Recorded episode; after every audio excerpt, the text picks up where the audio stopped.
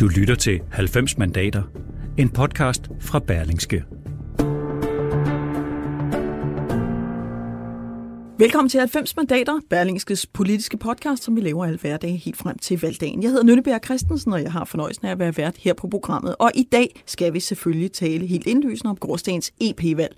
For selvom det her er en podcast, der kigger frem mod det danske folketingsvalg, så øh, kan man jo alle de forbehold, der nu engang kan tages, godt sige, at det her er en slags temperaturmåling på det danske politiske landskab. Og dagens første gæst, det er Berlingske samfundsredaktør Ben Winter. Velkommen til. Du har været sent i seng og tidligere op og har fulgt optællinger og tendenser her på avisen øh, her øh, til, til morgen. Og hvis vi lige skal rise øh, de sådan grundlæggende resultater op, de bevægelser, der er sket, er, at Venstre har vundet to mandater. DF har tabt tre, både de radikale og SF har vundet øh, hver et oven i det, de, øh, de havde, og enhedslisten har så snuppet folkebevægelsens mandat. Øh, Socialdemokraterne, de går, de går lige ud. Så man kan sige, der er selvfølgelig som øh, ved alle valg øh, sejrherrer øh, og taber. Bent Winter, hvad vil du sige er den største fortælling om det her valg? Hvad er det for nogle ting, danskerne har været optaget af?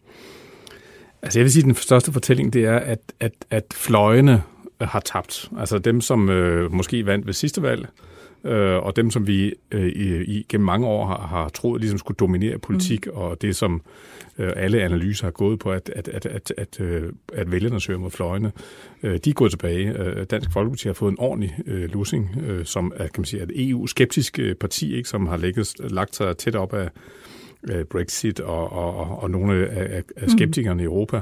Øh, øh, folkebevægelsen mod EU, EU, som er det eneste øh, bevægelse i Danmark, som jo i virkeligheden går ind for, at Danmark skal meldes ud af EU, mm. øh, kommer slet ikke ind. Øh, Øh, så, så, så, så kan man sige, det er, og, og dem, der så er gået frem, det er så øh, midterpartierne. Altså udover Venstre, øh, som er blevet fordoblet, så er Socialdemokraterne gået frem. Radikale øh, har fået øh, to mandater for første gang nogensinde, mm. og SF har gået frem. Det vil sige, et, et positivt EU-partier, øh, som ligger sådan på midten af, af, af feltet, ja. øh, er gået frem. Men må jeg ikke lige øh, spørge opklaren til det med folkebevægelsen? Folkebevægelsen er, vil jo, som navnet har antydet, gerne ud af EU, men det vil enhedslisten vel i virkeligheden også. Altså enhedslisten har stjålet mandatet for folkebevægelsen, men de har vel en, hvad skal jeg sige, mere konstruktiv tilgang til det europæiske samarbejde, som vi nu engang er i, men, men bare for en ordens skyld vil de vel egentlig også godt ud af EU. Ja, men de siger det ikke så, de siger det ikke så skarpt. Eller det er noget Nej. med at også arbejde konstruktivt og bruge øh, EU også til, til at løse nogle klimaproblemer mm. og, og, og så videre, øh, som enhedslisten har, har slået sig op på. Øh, og, og, og det man kan sige, det er jo, at, at, hvad hedder det, at bevægelserne, først var der folkebevægelsen mod EU, og så har der været haft junibevægelsen, mm. øh, har jo domineret øh, Europaparlamentet og dansk EU-politik i, øh, i, i 40 år øh, nærmest, ikke? Og, og, og nu er det ude. Og hvad er det et udtryk for? Måske er det et udtryk for, at, øh, at Folketinget er kommet mere i synk med danskernes EU-holdninger. Ikke? Altså grunden til, at man har haft de bevægelser tidligere, har været, at, at, at Folketinget ligesom var alt for EF eller EU øh, positive positiv i forhold til, til befolkningen. Og så har man haft de her bevægelser, som øh, hver gang vi havde øh, valgt til Europaparlamentet, fik et godt valg. Mm-hmm.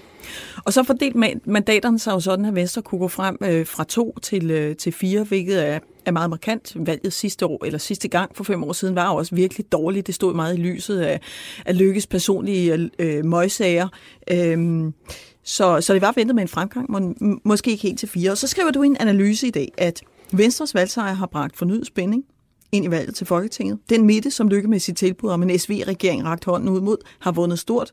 Og det, har givet statsministeren en helt ny platform. Og skriver også, at han skal måske ikke længere sådan en desperato, når han snakker om et SV-samarbejde, men mere en mand, der er i, i synk måske med, med det, danskerne ønsker. Og du siger også, at en af de store historier er, at de store partier har vundet, hvilket man ellers ikke ser øh, som tendens til, øh, til mm. folketingsvalg. Hvor langt tror du, at den nye platform, det momentum, som Løkke har fået, kan, kan skubbe ham? Altså, jeg tror det i hvert fald, altså, den platform, som han jo skabte sig med, med bogen Befrielsens Øjeblik, var jo øh, at række hånden frem og, at tale om SV-regering og midten, vi skal gøre os fri af fløjen og så videre. Det var ligesom det, der var, var dagsordenen. Og den dagsorden, synes jeg, er styrket med det her. Ikke? Altså i og med, at midten er, er styrket i, i, i den grad. Så derfor øh, tror jeg, det bliver sværere for, det bliver sværere for Mette Frederiksen at, at være meget afvisende over for, øh, at, øh, at hun ikke vil arbejde på midten, og at Venstre på en eller anden måde skal med, og, og, og så videre. Hvis hun kan man sige, at den, der bliver med at stå fast på, jamen vi vil øh, øh, øh kan man sige, basere en regering på enhedslisten og på alternativet osv., øh, så tror jeg, hun, hun vil blive, kan man sige, komme under pres mm. i forhold til, hvad det er, øh, vælgerne i, i virkeligheden gerne, have, gerne vil have. Men, men, men, men, men for lige at sige, men det er jo ikke fordi, altså Lykkes fløj ligger jo også i ruiner. Ja. Altså, jeg synes, altså, men at Dansk Folkeparti kan ingenting. Altså, de kan ikke trække noget som helst. Øh, øh Liberal Alliance kan slet ikke. De satte deres bedste kvinde øh, på opgaven, minister og det hele. Og det gik og, tilbage. Og de gik tilbage. Øh, konservative kan måske lidt, men, men ikke trække noget hen over midten, men de kan måske blive, kan man sige, noget i, i, i blokken for sig. Så altså, den eneste, der kan noget, fra nu af, det, det er Lars Løkke Rasmussen mm. og Venstre. Og det er det der med at trække stemmer hen over midten. Det, det er simpelthen det, det handler om. Ikke? Det er det, det handler om fra nu af, hvis han skal have en, en, en chance. Men, men interessant er det jo også, at de, at de radikale jo fik et, et, et, et ret godt valg, ikke? og fik, og blev, øh, altså fik et ekstra mandat, og for første gang har to øh, i Europaparlamentet nu. Altså, hvad betyder det? Altså, det, som Lykke håber på, det er jo, at efter et valg, så vil de radikale insistere på midten og insistere på, at man skal lave en, en bred regering på en eller anden måde. Mm. Øh, hvordan det skal kunne se ud, det ved vi ikke. Men, men det er jo det, han håber på. Ja. Altså, hvis der kommer et rødt flertal, at der alligevel kan være et eller andet, hvor, hvor, hvor, hvor, hvor der er plads til et SV-samarbejde øh, ja. med de radikale. For jeg vil sige, hvis man kigger sig over skulderen og Lykke, så må, så må det jo være en, en i bedste fald bittersød valgsejr, fordi, fordi, øh, fordi sådan de borgerlige, eller de blå ved det her valg er gået fra, jeg tror omkring 55 procent af stemmerne til nu 43 procent, så man har jo tabt meget øh, markant, og det er jo DF, der taber rigtig meget, og også de konservative øh, en, en lille smule, selvom de fastholder mandatet, så taber de jo altså nogle procent, så man kan sige, det er vel ikke super positivt for Lykke. Nej, det er det ikke, og det matcher jo meget godt de målinger, vi også har set i forhold til Folketinget, altså hvor, hvor øh, altså den røde blok, hvis du tager Altså hvis man tager den sådan øh, helt i bred forstand og tager de radikale med og, og, og, og, og Alternativet, øh, som jo har sagt, at de vil pege på Uffe Elbæk selv videre. Hvis man tager det hele med, ikke, så står de jo øh, øh, meget stærkt, og det er jo det, det, den her, øh, det her øh, valg til Europaparlamentet jo også en, en, en afspejling af, at det er sådan, det ser ud. Hvis du ser sådan på traditionelle øh, rød blok og, og, og, og blå blok, så ser det ikke øh, voldsomt lyst ud for, for, for Lars Løkke Rasmussen. Det, det, det må vi sige. Nej, og man, men, men, men altså, det kan måske give noget gejst til partiet, og det kan også være personligt rart for Løkke det her med, at han viser, at han trods alt kan levere en valgsejr efter, jeg vil lige vil sige alt, hvad han også har budt partiet. Ikke? Men når du kigger på, den helt store stemmesluger, det bliver Søren Gade, øh, ser det ud til, øh, som ligger lige nu. Vi er ikke helt færdige med at, at tælle stemmer. Øh, og han repræsenterer også en meget anderledes linje end den Morten Lykkegaard, som er hvad skal jeg sige, den næststørste stemmesluger for Venstre, repræsenterer. Synes du, den øh, kurs, som Venstre har tegnet i den her valgkamp, er entydig? Altså har du faktisk et stærkt indtryk af, og nu spørger, fordi vi får besøg af en lige om lidt, hvad er Venstres europapolitik? Har du et klart indtryk af det? Altså, det, det som Lars Løkke Rasmussen gjorde jo for et år siden på Europadagen, så gik han ud og, og holdt en tale, hvor han sagde, nu skal vi også vi skal tale EU op, og vi skal, han lagde op til, at vi skulle have en, en bred debat om, om EU. Øh, øh, og, og, og lagde en mere EU-positiv linje an. Tidligere, senere har vi jo også, kan man sige, der har været sådan en historie om, at, at man internt i regeringen har haft en, en, en diskussion, hvor især, hvad hedder han, Claus Hjort Frederiksen har været ude og slå på. Nu bliver vi altså nødt til at være mere positiv. Lars Lykke har været ude og lægge ja, afstand til sin... forsvarsforbeholdet, ikke? Ja, også for, og forsvarsforbeholdet, som vi nu øh, formentlig skal stemme om, hvis... Ja, nu kommer der an på, hvem der kommer i regeringen, men vi har den nuværende regering i hvert fald lagt op til. Øh, han var ude at lægge afstand til sine gamle udtalelser om øh, og jordbærmarken, øh, hver gang, at når en, en, en, en polak kommer og sætter sin træsko i jordbærmarken, så skal de have en, en, en, en, en børnesjek eller noget i den stil, fik han sagt, øh, og, og, og, og ser meget positivt på indvandring. Så her har vi på, på det seneste, hvor Søren Gade jo får, øh, som du siger, alle de her øh, personlige stemmer, og han ligger, han lægger lidt en anden linje, mm-hmm. øh, har været, øh, øh, altså kan man sige, positiv over for grænsekontrol, og man har haft en diskussion om, hvem, hvor, hvor EU-positiv, hvor mm. jubel europæisk skal, skal, øh, skal partiet være. Og der, har, der ligger han klart på den mere øh, skeptiske linje. Så hvad det bliver her frem, fremover, og, og hvis den, jeg siger, det, at han jo virkelig har fået så mange stemmer, kommer til at påvirke partiet, det, mm. Det må tiden jo vise, men, men det er da interessant. Ja, det kan vi gå videre med det spørgsmål. Men Vinter, tak fordi, at du havde lyst til at være med i øh, 90 mandater. Du lytter altså til 90 mandater. Det har du nok gættet. Berlingskes politiske podcast, som du kan finde på berlings.dk i 24-7-appen, eller hvor du nu ellers plejer at finde din podcast. Nu skal vi videre. Og det vi skal videre til, det er Venstres Janne Jørgensen, der er EU-ordfører og øh, selvfølgelig også i valgkamp til Folketinget, fordi det fortsætter, Jan, med den her valgkamp. Det er jo ikke overstået øh, nu. Som vi lige har talt med Ben Winter om, så er det jo en, øh, en flot fremgang for Venstre, men måske også øh, med et lidt bittersødt twist, fordi det er en, en kannibalisme, der har været udtryk for måske i høj grad på Dansk Folkepartis stemmer. Men skal vi ikke lige høre et klip fra Gårdstens valgfest, hvor Lykke han taler? Kære Venstrefolk, om mindre end 10 døgn lukker valglokalerne igen. Og indtil da, lille parentes, vi holder en fest i aften, men indtil da, der skal vi slide og slæbe for at fastholde danskernes tillid. Vi skal bygge videre på fire års gode resultater. Vi skal gribe momentum fra dagens flotte valgsejr. Og vi skal kæmpe for, at Venstre også fremover får opbakning til at lede det her fantastiske land, Danmark.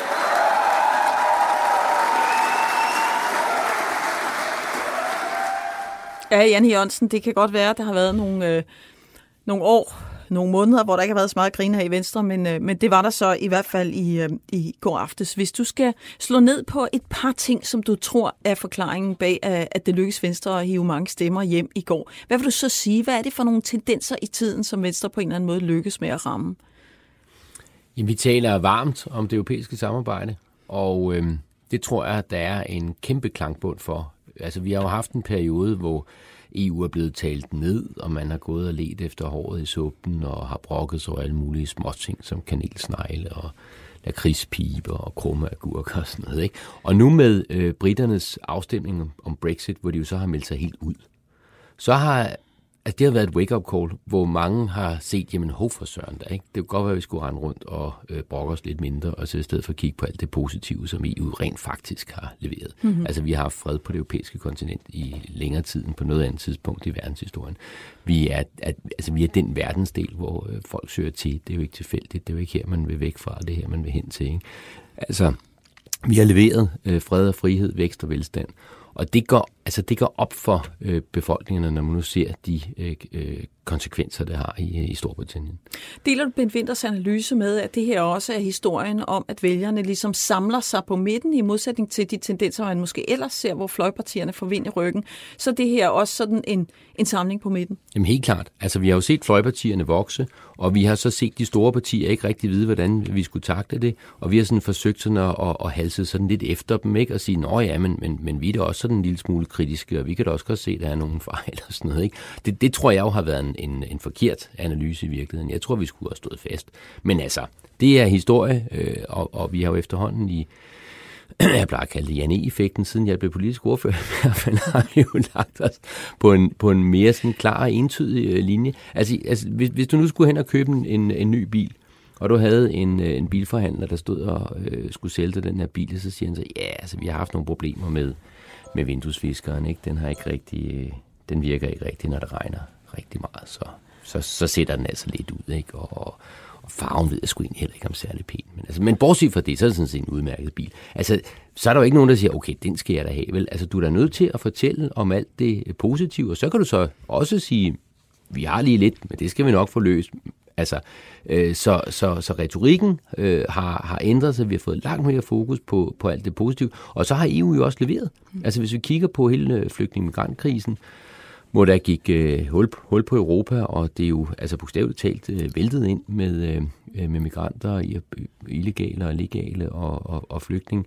Altså, hvor der ikke var styr på de ydre grænser, men det er der jo i høj grad kommet. Mm. Jeg siger ikke, det fungerer 100%, men det fungerer jo langt bedre, end det gjorde. Folk har jo også op og forstået, at øh, klimakrisen, den kan vi jo ikke løse alene fra Danmarks side. Det er jo nødvendigt, at vi står sammen, og, og, og det giver jo, altså det, det, er jo, det er jo logik for burhøns, at en halv milliard europæere selvfølgelig kan tale med en langt stærkere stemme internationalt end øh, 5 millioner danskere. Mm-hmm.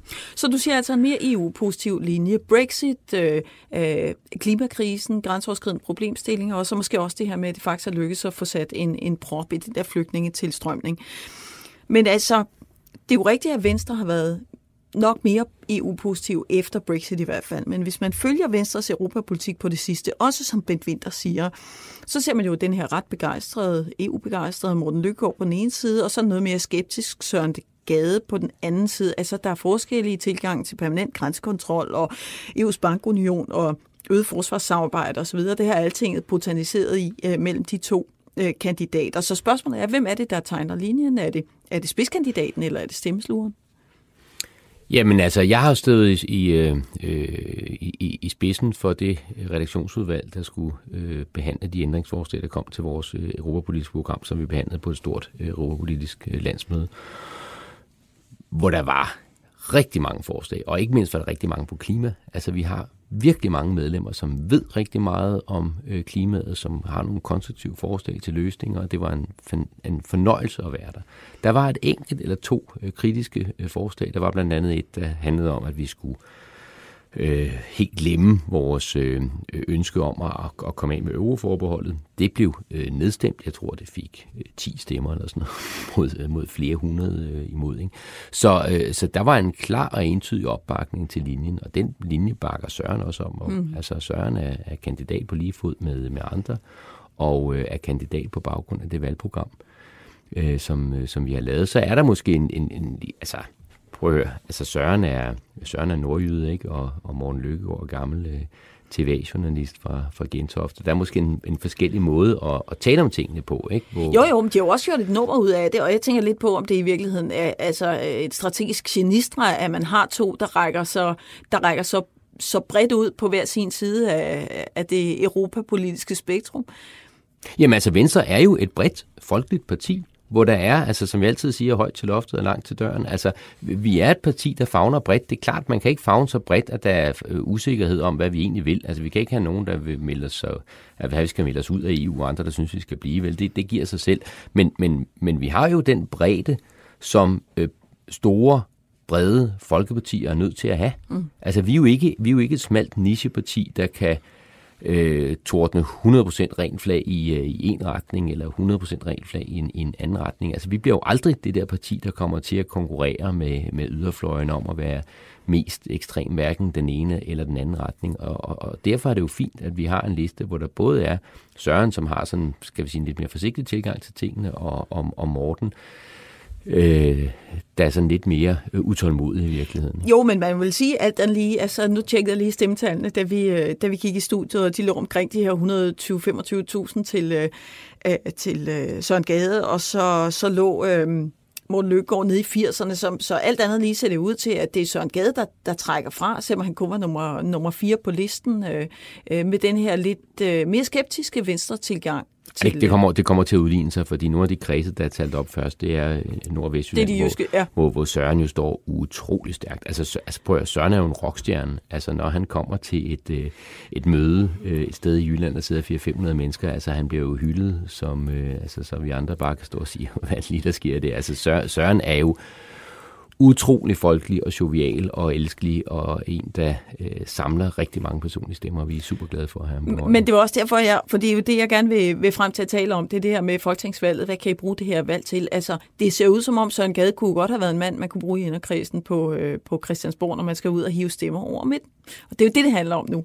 Jamen, da, altså Søren er, altså nu kan jeg jo ikke, du kan jo ikke stille op både til Europaparlamentet og til Folketinget. Der, må man jo, altså, der er man nødt til at vælge. Ja. Og, og Søren har haft lyst til at prøve kræfter med, øh, med EU. Jeg tror også, han, bliver, han vil blive virkelig god til det. Jeg tror, han vil synes, det er, det er sjovt. Øh, ingen tvivl om det, og han vil kunne få, øh, få flyttet noget. Men, men altså, øh, det giver os da et, øh, et boost øh, hen til det næste valg. Altså, det giver, altså jeg, jeg kunne mærke det øh, i, i går aftes. Altså, øh, vi skal ud og hænge plakater op her i eftermiddag, pille EU-plakater ned og sætte nogle folketingsplakater op. Ikke? Og, og der var virkelig sådan en energi, og vi ses i morgen, og nu giver vi en gas, og 10 dage tilbage. Altså, det, det er virkelig noget, der giver et boost til hele organisationen, og det skal man ikke underkende Nej. af. Ja, det er selvfølgelig med på, når man, øh, fordi man fører valgkamp for sit eget parti. Men når I kigger på det, så er det jo også Altså ikke bare, som jeg nævnte over for Bent Winter, er der jo sket den der, altså det er jo ikke bare en siveblødning, det er jo en styrtblødning fra, fra blå blok fra omkring 55 procent til 43 procent af stemmerne, hvis man kigger EP-valg. Øhm, og, det, og det er jo en kanibalisme, der er sket, kan man sige, Venstre stemmer har, øh, har er sket måske på bekostning af Dansk Folkeparti. Der er ikke blevet hævet nogen stemmer hen over midten. Tværtimod er de rykket over i i rød blok. Så, øhm, så hvad kan I egentlig bruge det her resultat til, når vi kigger 10 dage frem? Altså, når vi kigger europapolitisk på det, så giver det ikke mening at tale om rød blok og blå blok. Det gør det simpelthen ikke. Nå, det er altså, jeg sådan set enig med dig i, men, men, men derfor kan den stemmeafgivning, der er sket, jo godt være retningsvisende for, hvordan folk vil stemme en anden god gang, hvor det er, er mere betydningsfuldt. Ja, Altså, øh, til, til, til en vis grad kan det selvfølgelig, ikke? Men altså, jeg sidder jo til Europa-udvalgsmøde øh, hver fredag.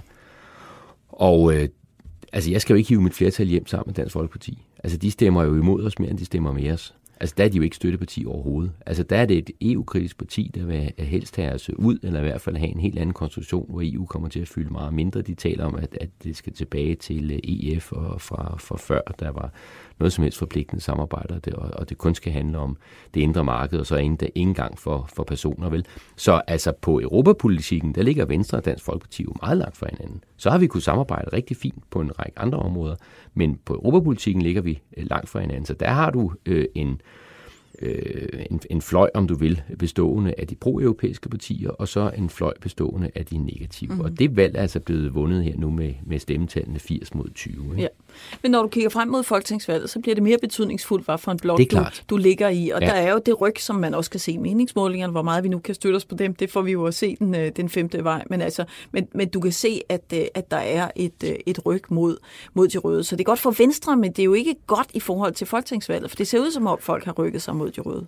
Jamen, der ser du også en, altså en, en ny orientering af politikken i virkeligheden, ikke? Hvor, hvor det jo ikke giver helt samme mening at tale om blå blok og rød blok, som det gjorde tidligere. Altså, hvis vi forestiller os, at øh, Stram Kurs og Nye Borgerlige kommer ind, altså dem har vi da mindre til fælles med, end vi har med Alternativet. Altså, sådan er det jo. Altså jo, at Nye Borgerlige har en meget fornuftig økonomisk politik og sådan noget, men det er jo ikke det, de har defineret sig selv på. Så øh, at det vil jo være meget, meget vanskeligt for os at, at reagere selv, hvis vi får et blot flertal, hvis det bliver på basis af, øh, af stram kurs og Nye Borgerlige. Og, og det er jo også derfor, at Lars har været ude og lufte tankerne om altså åbne en dør på klem, som man siger, for, for en SV-regering. Altså det er jo fordi, vi står i en helt, helt særlig situation. Det er jo ikke fordi, vi er blevet socialdemokrater på nogen måde, men vi står i en helt særlig situation, hvor vi risikerer at få et blot flertal, som vi ikke kan bruge til noget som helst fordi de stiller nogle ultimative krav, der gør, at vi skal melde os ud af det internationale samarbejde, melde os ud af EU osv., og det kommer ikke til at ske. Nej, altså, men det, den risiko er måske også meget beskeden, sådan, øh, sådan som Nej, det ser ud nu. Lad os nu se, hvad der sker. Altså, ja, det, altså, det er klart, ja. men, men Bent Winter nævner også det her med de radikale, altså, der er vel noget, der tyder på, at hvis Venstre skal i regering, så skal man have nogle nye legekammerater. Jamen, der er der heller ingen, der siger, at øh, altså, det radikale Venstre har jo historisk været et parti, der har søgt indflydelse. De har siddet i regering med os. Det har de gjort mange gange. De har siddet i regering med Socialdemokraterne. Øh, under øh, Firkløvet, der var de støtteparti til os. Øh, så altså, det, at de har ligget der, hvor de ligger, som sådan en fasttømret del af Rød Blok, det er jo i virkeligheden naturstridigt for de radikale. Jeg kan egentlig ikke forstå, at de har, de har altså gjort så meget for at, at, at cementere den position. Og hvis de radikale begynder at stille en række krav til Mette Frederiksen, som hun hverken kan eller øh, vil opfylde, så får hun da også nogle gevaldige problemer. Mm. Så, så, så det er en, en meget, meget... Øh, øh, uforudsigelig øh, politisk situation, vi, vi står med efter Men, øh, men altså, køber du hele den der mulige analyse, som statsministeren fremlagde i, i sin bog, et, et muligt samarbejde med S. Altså, kan du se det for dig? Vil du i virkeligheden hellere det end Dansk Folkeparti? Jamen altså, det havde jeg jo forsvoret for bare få år siden. Jeg, jeg skriver jo om, om, også om det i den bog, som, som Bent Winter og, og jeg har lavet sammen, En ægte liberal, hvor han spørger... Det er simpelthen ananas i eget Simpelthen, det er det ikke. Hvor, hvor han spørger om... Øh, og mulighederne for, for en SV-regering, hvor jeg siger noget retning af, det havde jeg forsvoret for en 3-4 år siden. Jeg tror, det var Martin Gersen, der var ude her forleden og sige, at han har bekæmpet Socialdemokrater i 30 år. Så nej, det er jo på samme måde. Det er jo, det er jo arvefjenden, ikke? Jo. Øh, men, men det er en helt, helt ny situation, som jo et eller andet sted også kræver nogle nye løsninger. Fordi vi kan jo ikke, altså vi kan jo ikke altså, bare øh, lade som om, at øh, de ultimative krav, der kommer fra Nye Borgerlige side, det mener de ikke alligevel. Og på den anden side, så kan Socialdemokraterne heller ikke bare sige, jamen altså, nu skal I høre her, vi laver noget ældrepolitik sammen med med Dansk Folkeparti og noget udlændingepolitik sammen med Venstre og noget miljøpolitik sammen med Alternativet, så bare tro, at Alternativet er enhedslisten og SF og Radikale vil sidde og sige, Nå, det er da vel nok fint og dejligt, at vi får lov til at stille nogle vindmøller op, uden at tro, at de også vil have indflydelse på nogle andre vigtige politikområder herunder udlændingeområdet. Ikke? Så, så lige meget hvem lad os sige rød blok eller blå blok for at blive den terminologi. Lige meget hvem der måtte få flertal efter valget, så vil man stå med en meget, meget vanskelig opgave, hvor det giver god mening at sige, at skulle vi måske prøve at afsøge mulighederne for noget andet henover Men jeg synes altså også, der er noget, der, der, der, der taler for, selvom SF og de radikale var meget ude med de her berømte ultimative krav sådan i løbet af, af vinteren og og foråret, så synes jeg at også, der er noget, der tyder på, at de er blevet mere bøjelige i kanterne. Nå, det kan da godt være, sådan var det heller ikke ment, osv. osv. Altså, der er noget, der tyder på, at de også vil gå et stykke vej for at det ikke bliver der, Mette Frederiksen ender. Fordi i hvert fald for SF's vedkommende er det lidt svært at se for sig, at man kan kaste Socialdemokraterne i armene på lykke. Så, så spørgsmålet er måske også, er der noget realisme i det? Jeg forstår godt, at det kan være interessant for Venstre at gå ind i, når meningsmålingerne ser ud, som de gør. Men SF har vel i hvert fald en stærk interesse i at holde på Mette Frederiksen. Hun kan jo ikke nøjes med SF. Altså selvom SF fik et rigtig flot mm. valg i, i, i går, og tillykke med det, så kan hun jo ikke nøjes med SF. Hun skal jo også have Alternativet med. Hun skal også have det radikale venstre med. De har jo virkelig fået blod på tanden. Og det radikale venstre ligger jo på mange måder, altså på den økonomiske politik ligger de jo langt tættere på os, end de gør på Socialdemokratiet. Og på øh, udlændingepolitikken der har de jo, altså, der har de jo valgt at lægge sig sådan nærmest helt ude ved, ved enhedslisten. Ikke? Så var Morten Østergaard så ude at bo nogle dage i en ghetto, så fandt han ud af, at der måske var nogle problemer alligevel. Ikke? Så lad os se, hvor meget de, de kan nå at flytte sig. Ikke? Men, men, men, altså, men det er ligesom, som, om alle skal have meget, meget hvide bukser på for jamen, tiden, præcis, ikke? fordi præcis, øh, man, ja, man skal have udviklet skal, ja, en, en stærkere tolerance ja, for andre synspunkter, end dem man lige måske selv går på jamen, til og, og, og som Lars jo også var ude at sige, altså øh, Socialdemokratiet og Venstre er forskellige partier. Helt sikkert, men vi er jo ikke nær der dag. Og på mange måder, der ligger vi jo tættere på Socialdemokraterne, end vi ligger på Nye Borgerlige og Stram Kurs. Ligesom Socialdemokratiet ligger tættere på os, end de gør på enhedslisten. Så der er... Øh der er, øh, der er lidt, øh, hvad skal man sige, gymnastik øh, på bordet med de mange forskellige brikker, som vi skal til at, at falde sammen til et puslespil til en regering. Tak fordi du har lyst til at kigge forbi, Janne Jørgensen, Jamen, og held og lykke med, øh, med de sidste 10 dages valgkamp. Og tak. jeg kan da sige, øh, at øh, som landet ligger lige nu inde på kmdvalg.dk, så er det Søren Gade, Morten Løkkegaard, Asger Christensen og Linnea Søgaard Liddell, der kommer til Bruxelles for partiet Venstre. Nu skal vi til dagens historiske tilbageblik.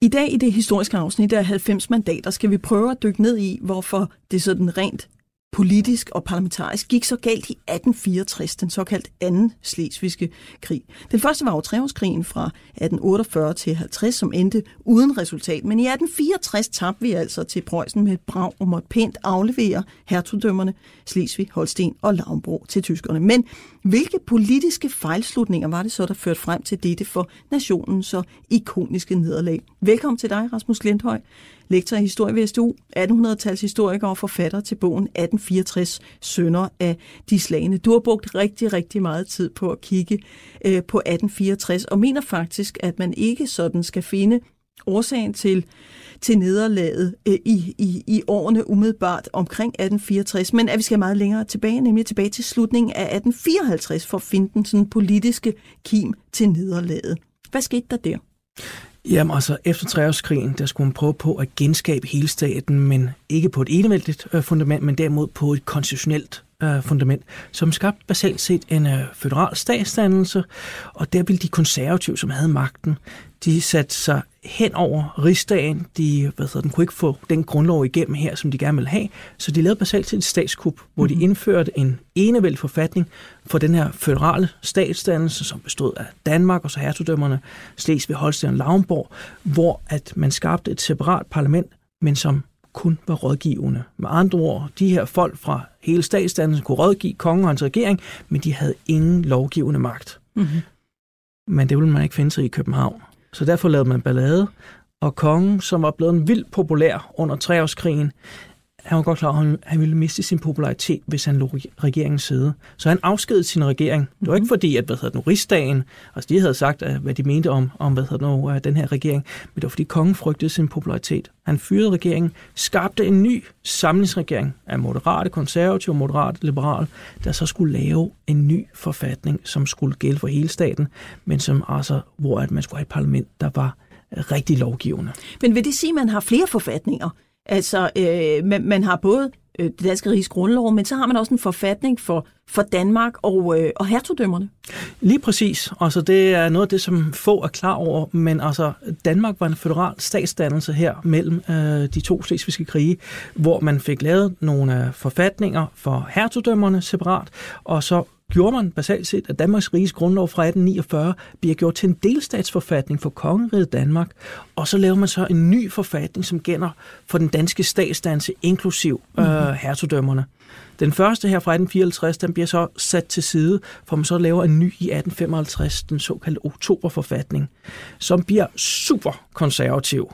Uh, og det gør man af to årsager. For det første skal man imødekomme de her aristokrater nede i hertugdømmerne. For det andet, der har man altså to stormagter, der hedder Preussen og Østrig, som er med på sidelinjen, og de behag skal være rigtig, rigtig konservativt. Så man får en utrolig indskrænket valgret til de her uh, parlamenter.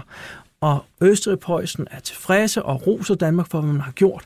Problemet er, det virker så bare ikke i praksis alligevel. Mm-hmm. Og det, man strides om, det er jo øh, det er jo Slesvig, øh, fordi Holsten og Lauenborg er, er overvejende øh, tyske. Så, så, så hvor kommer brudfladen til at være der, hvis København sådan set er enige med, med Østrig og Preussen om den, hvad skal jeg sige, nye magtfordeling, man er blevet enige om i forhold til hertugdømmerne? Ja, problemet er, at man møder sig første gang i det nye parlament, der hedder Rigsrådet øh, i 1856, og der siger holstenerne, de vil ikke være med. Mm-hmm. Fordi for det første var man blevet lovet, at de skulle være med til at lave den her nye forfatning, som har basalt set brudt nogle løfter øh, i den her sammenhæng, og det er indiskutabelt rigtigt. Men den årsag til, at de virkelig er sure, er, at på trods af, at det her er ekstremt konservativt, og der er ikke særlig mange danskere, der faktisk kan lide det her af samme årsag, så er der det, at der er flere danskere i det nye parlament, end der er folk fra hertugdømmerne. Det skyldes, at der boede flere i kongeriget Danmark, end der boede i hertugdømmerne. Men i kølvandet på en borgerkrig, øh, hvor man absolut øh, ikke fra Slesvig Holstens side af stoler mm. på danskerne, så kan man ikke acceptere det. Så de siger, det her vil vi ikke have, vi vil have noget nyt, og vi vil kan acceptere to ting. Enten øh, at øh, vi basalt ikke har noget fælles parlament, så alt fælles lovgivning skal igennem, både hvad hedder det, parlamenterne øh, og stænderforsamlingerne i, i Danmark, i Slesvig, Holsten og i Lavnborg, og hvor alle har vetoret. Eller også skal vi have et fælles parlament med to kammer, hvor det ene underhus er efter folketal, her kan danskerne så dominere, og så er der så et overhus, et senat, hvor at man har lige mange senatorer. Det vil sige, at Lavnborg med 50.000 indbyggere har lige så mange senatorer, som Danmark har øh, med 1,7 millioner. Og sagen er, at fra den side vil man ikke være med til det. Det er fordi man, uspiseligt. Det er uspiseligt, fordi at fra den side stoler man ikke en meter heller på hertugdømmerne efter en borgerkrig, og hvor man er klar over, at de her hertugdømmer også har resten af Tyskland, 40 øh, millioner tyskere øh, i, i ryggen. Men, men det vil sige, at man kan simpelthen ikke blive enige om, hvordan de her hertugdømmer skal regeres med forståelse for, at at det selvfølgelig er en, en aftale, man skal indgå sammen med, øh, med Preussen, med tyskerne. Man bliver nødt ja. til at blive enige, og man kan ikke finde den rigtige forfatning, og det er, det, det er derfor, det er forfatningen der fra 54-55, der ligger kimen til den uro. Men hvorfor går der så så lang tid, før man kommer i krig? Ligger det og rumler op gennem 50'erne og i begyndelsen af 60'erne? Jamen det, det, det rumler nemlig, øh, fordi at, hvad hedder det nu, så klager man fra Holstings side af øh, til det tyske forbund, fordi man har den absurde situation, set med moderne øjne vel at mærke, øh, at de her to hertugdømmer, Holstein og Lauenborg, er både en del af den danske statsdannelse og en del af det tyske forbund, som består af 39 forskellige stater og bystater. Uh, og det vil sige, at de kan altså klage til et helt andet parlament, som de også er med mm, uh, Ja, det lyder samtidig. altså også som en rodebutik. Det var en rodebutik, ikke? Uh, og det gav mening i en før moderne uh, tid, eller tidlig moderne tid her, ikke? Men efterhånden, som begynder at få den her demokratiseringsproces, som også er en national proces i løbet af 1800-tallet, så giver det ballade. Mm. Det her er jo så ikke en speciel dansk historie, det ser man over hele Europa på det her tidspunkt, men alle steder udløste også konflikter, krige og borgerkrige. Men det lyder som om, du siger, at den krig var på en eller anden måde uundgåelig. Altså krigen om Slesvig, som jo reelt er det hertugdømme, der har en, en sammensat befolkning af både ja. tyskere og danskere, den var uundgåelig, var den det? Jeg tror, få historikere, som ved noget som helst øh, rigtigt omkring det her, øh, anskuer det som noget, man bare let kunne have undgået. Øh, I mine øjne, så var krigen nok i virkeligheden uundgåelig. Det, man kunne have gjort, det var at genindføre enevælden, i hvert fald i fællesanlægner, men havde det været en holdbar løsning? Uh, altså at nogen af os, der tror på, at vi i dag kunne have en dansk-tysk stat, som stadig blev behersket enevældigt, mm-hmm. uh, eller at Tysklands samling ikke var sket. Fordi hvis Tysklands samling, når den skete, så ville uh, Holsten og Lauenborg blive en del heraf, og hvis de blev en del heraf, så ville de have, uh, hvis ikke hele Slesvig, så i hvert fald en del af Slesvig med. Og indimellem har man jo afskaffet i 1849, da man, da man lavede en, øh, en ny øh, grundlov. Hvis du siger, at krigen var uundgåelig, var resultatet af krigen, som jo blev så øh, drastisk for Danmark, øh, så lige så uundgåeligt? Nej, øh, fordi at øh, også alle i dag vil basalt til at sige, at det man skulle gøre, var det, man endte med at gøre i 1920, nemlig at dele Slesvig. Øh, det var knap så indlysende øh, i samtiden, men det var præcis, hvad der var på bordet ved den såkaldte London-konference i foråret 1864. Øh, og der var det så, at den danske regering var voldsomt internt splittet, og kongen var også uenig med, med sin regering. Uh, og der endte man så med at stå fast på et alt for sydligt delingspunkt, som sprængte konferencen, så gik det fuldstændig galt mm. i den her sammenhæng. Og det delingspunkt var hvor?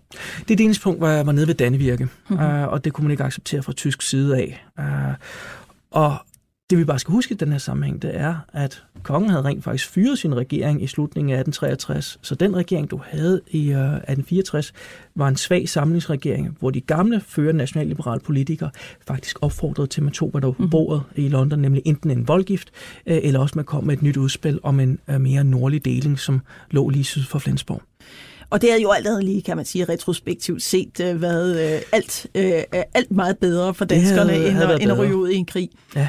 Øh, og, øh, og, og det er jo så i virkeligheden først i 1920, at grænsen finder sit, øh, sit punkt, øh, hvor den, øh, hvor den ligger i dag. Alt andet lige også en del sydligere end der, hvor man, øh, man, øh, man havnede.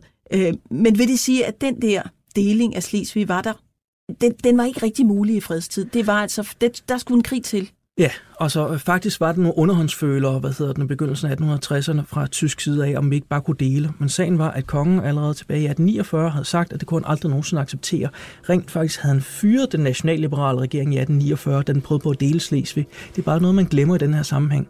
Og problemet er, at hvad hedder det, hvis man er regering, så vil man gerne have magten og kunne bruge den. Og hvis du bliver fyret, så kan du ikke rigtig gøre så meget med, øh, ved den. Så i fredstid var det her en løsning, der ikke kunne lade sig gøre fra den side af. Øh, både fordi folkstemningen var imod den, og fordi kongen ville fyre en regering, der prøvede på at gøre det. Så der var ikke rigtig andre veje end øh, en, en lige lugt ind i nederlaget. Tusind tak, Rasmus Klinterhøj, fordi du ville komme og fortælle om nederlaget i 1864, altså lektor historie og forfatter til bogen 1864 Sønder af de Slagende. 90 mandater er slut øh, øh, for denne her omgang, men vi er selvfølgelig snart tilbage med flere nyheder og tendenser fra valgkampen, og selvfølgelig også historiske tilbagekig. Tak for nu.